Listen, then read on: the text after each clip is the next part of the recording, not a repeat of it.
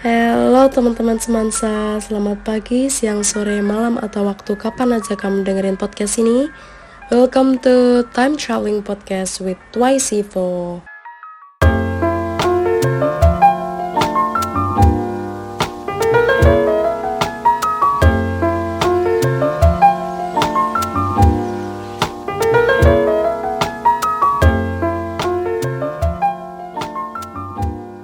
Oke, Evo itu kepanjangannya apa sih? Evo itu singkatan dari 12 Science 4 atau 12 IPA 4, yaitu kelas kita. Sebelum kami kasih tahu mau bahas topik apa, perkenalan dulu dong dengan host di podcast kali ini. Kalau kata orang, tak kenal maka tak sayang. Maka jika ingin disayang, harus kenalan. Oke, dimulai dari saya, host 1. Perkenalkan nama saya Zahra Maharani Nugra, nomor absen 33. Di sini saya ditemani oleh partner podcast saya, host 2 yaitu Halo teman-teman, perkenalkan nama aku Muhammad Arkan Davi atau biasa dipanggil Arkan atau Davi dan aku bernomor absen 20. Dan kami dari kelas 12 IPA 4. Jadi, untuk teman-teman yang penasaran, Hari ini kita mau bahas tentang salah satu tokoh perempuan pejuang kemerdekaan Indonesia asal Sulawesi Selatan, yaitu Opu Daeng Risaju. Wow, sejarah Indonesia ya? Wah, jarang-jarang banget nih ada podcast yang bahas tentang sejarah Indonesia. Betul, dan topik kali ini cukup menarik karena sedikit orang yang tahu soal perjuangan beliau. Tapi tenang, kita akan kupas biografi atau kronologi kehidupan Opo Daeng Risaju buat teman-teman nih. aku mau ngecek suara aku dulu bentar. cek cek, oke. Okay. Kalau hanya karena adanya darah bangsawan mengalir dalam tubuhku sehingga saya harus meninggalkan partaiku dan berhenti melakukan gerakanku, irislah dadaku dan keluarkanlah darah bangsawan itu dari dalam tubuhku supaya datu dan hadat tidak terhina kalau saya diperlakukan tidak sepantasnya. Wah, asli merinding. Itu salah satu quotes atau kutipan yang diambil dari Opu Daeng Risaju, seorang tokoh pejuang perempuan yang menjadi pelopor gerakan Partai Syarikat Islam yang menentang kolonialisme Belanda waktu itu. Jadi waktu Datulu Andi Kambo membujuknya dengan berkata, tanda kutip, sebenarnya tidak ada kepentingan kami mencampuri urusanmu.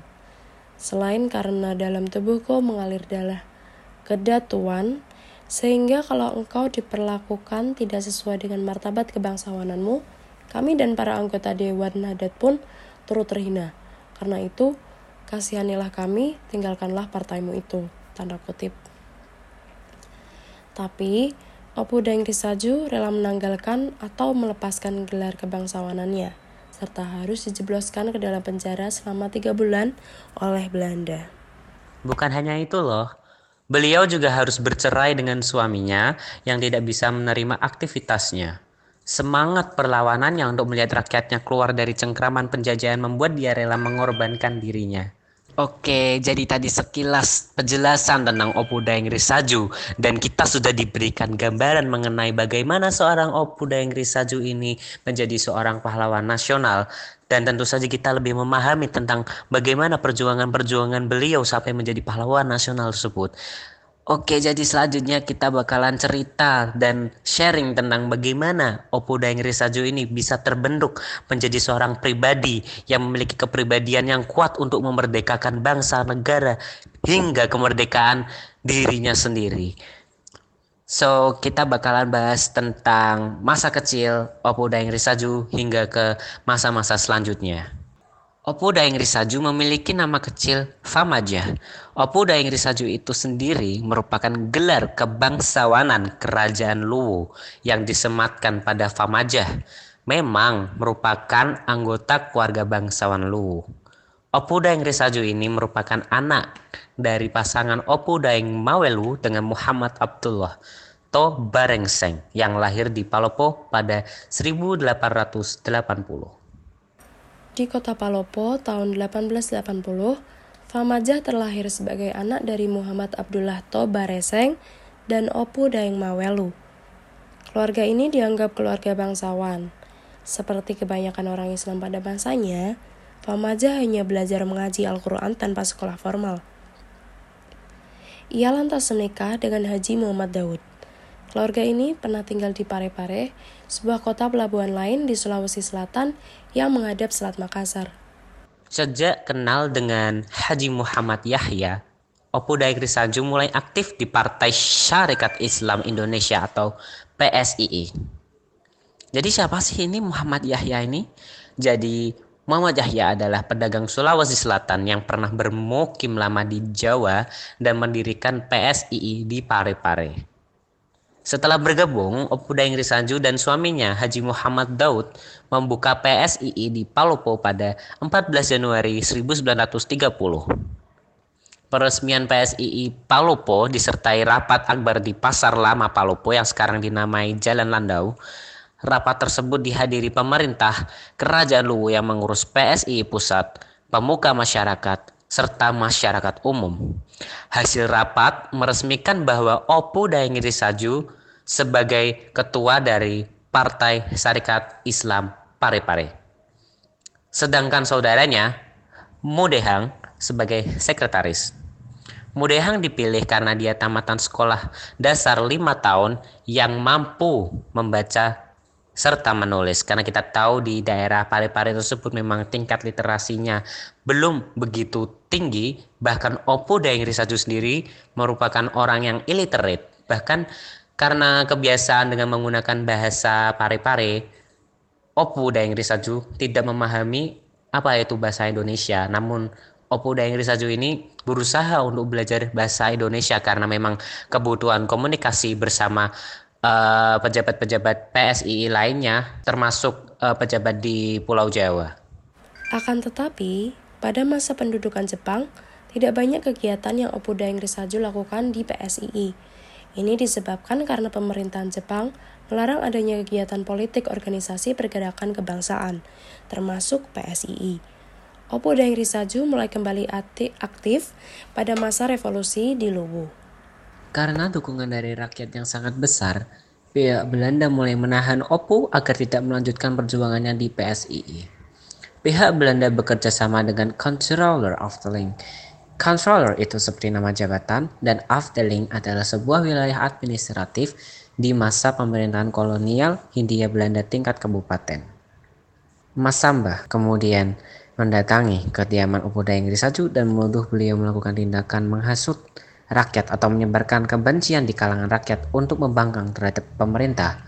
Jadi di sini Oppo berperan sebagai provokator atau menyebarkan tentang propaganda-propaganda dan mungkin dalam POV Oppo dan Risaju ini merupakan hal yang terbaik karena pemerintahan itu sedikit atau bisa dibilang tidak sedikit sih uh, bahwa pemerintahan itu telah terjadi adanya korup yang saya maksud bukan korupsi yang pasti korup um, terkena oleh efek dari kolonial Belanda sehingga pemerintahan sifatnya tidak mendukung tentang uh, kemerdekaan rakyat, kemerdekaan bangsa, namun mereka hanya survive dalam penjajahan tersebut. Jadi bisa dibilang kalau mereka dalam pemerintahan tersebut mereka adalah bule Jawa, tapi mereka bermainnya bukan di ranah peperangan, namun di ranah administrasi. Nah, atas tuduhan tersebut, pemerintah kolonial Belanda menjatuhkan hukuman penjara kepada Opo Daeng Risaju selama 13 bulan. Hukuman penjara tersebut ternyata tidak membuat jerah bagi Opo Daeng Risaju. Setelah keluar dari penjara, Opo Daeng Risaju semakin aktif dalam menyebarkan PSII. Walaupun sudah mendapat tekanan yang sangat berat, baik dari pihak kerajaan maupun pemerintah kolonial Belanda, Daeng Risaju tidak menghentikan aktivitasnya. Beliau mengikuti kegiatan dan juga perkembangan PSII baik di daerahnya maupun tingkat nasional. Pada tahun 1933, Opo Daeng Risaju dengan biaya sendiri berangkat ke Jawa untuk mengikuti kegiatan Kongres PSII.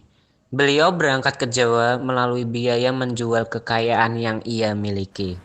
Tapi ternyata Kedatangan Opo Daeng Risaju ke Jawa menimbulkan sikap tidak senang dari pihak kerajaan.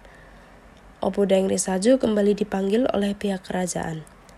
Dia dianggap telah melakukan pelanggaran dengan melakukan kegiatan politik. Anggota Dewan Adat yang pro Belanda menuntut agar Opu Daeng Risaju dijatuhi hukuman di Selong atau dibuang. Namun, Opu Belirante yang pernah membela Opu Daeng Risaju menolak usul tersebut. Akhirnya, Opu Daeng Risaju jatuhi hukuman penjara selama 14 bulan pada tahun 1934. Pada masa pendudukan Jepang, tidak banyak kegiatan yang Opu Daeng Risaju lakukan di PSII ini. Disebabkan karena pemerintahan Jepang melarang adanya kegiatan politik organisasi pergerakan kebangsaan, termasuk Partai Sarekat Islam Indonesia. Pemuda Inggris Saju mulai kembali aktif pada masa revolusi di Luwu karena dukungan dari rakyat yang sangat besar. Lalu pihak Belanda mulai menahan Opu agar tidak melanjutkan perjuangannya di PSII. Pihak Belanda yang bekerja sama dengan Controller Afdeling Masamba menganggap Oppo menghasut rakyat dan melakukan tindakan provokatif agar rakyat tidak lagi percaya kepada pemerintah. Akhirnya Oppo diadili dan dicabut gelar kebangsawanannya. Tidak hanya itu, tekanan juga diberikan kepada suami dan pihak keluarga Oppo agar menghentikan kegiatannya di PSII. Opu Daeng Risaju kemudian tertangkap oleh tentara NICA di Lantoro dan dibawa menuju Wantampone dengan cara berjalan kaki sepanjang 40 km. Wow. Opu Daeng Risaju lalu ditahan di penjara Bones selama satu bulan tanpa diadili, kemudian dipindahkan ke penjara Sengkan, lalu dipindahkan lagi ke Bajo. Opu Daeng Risaju kemudian dibebaskan tanpa diadili setelah 11 bulan menjalani tahanan. Opu Daeng Risaju kemudian kembali ke Buah dan menetap di Belopa. Pada tahun 1949, Opu Daeng Risaju pindah ke Parepare mengikuti anaknya Haji Abdul Kadir Daud. Oppo Daeng Risaju wafat dalam usia 84 tahun pada 10 Februari 1964. Pemakamannya dilakukan di perkuburan Raja-Raja Lokoe di Palopo tanpa ada upacara kehormatan. Nah, jadi teman-teman sudah bisa mengenal tokoh pejuang perempuan pahlawan nasional kali ini belum? Luar biasa kerja keras dan pengorbanan beliau yang menimbulkan dampak yang sangat besar. Selain dari peristiwa sejarah, kita dapat juga mengambil hikmah dari teladan para tokoh-tokoh sejarah.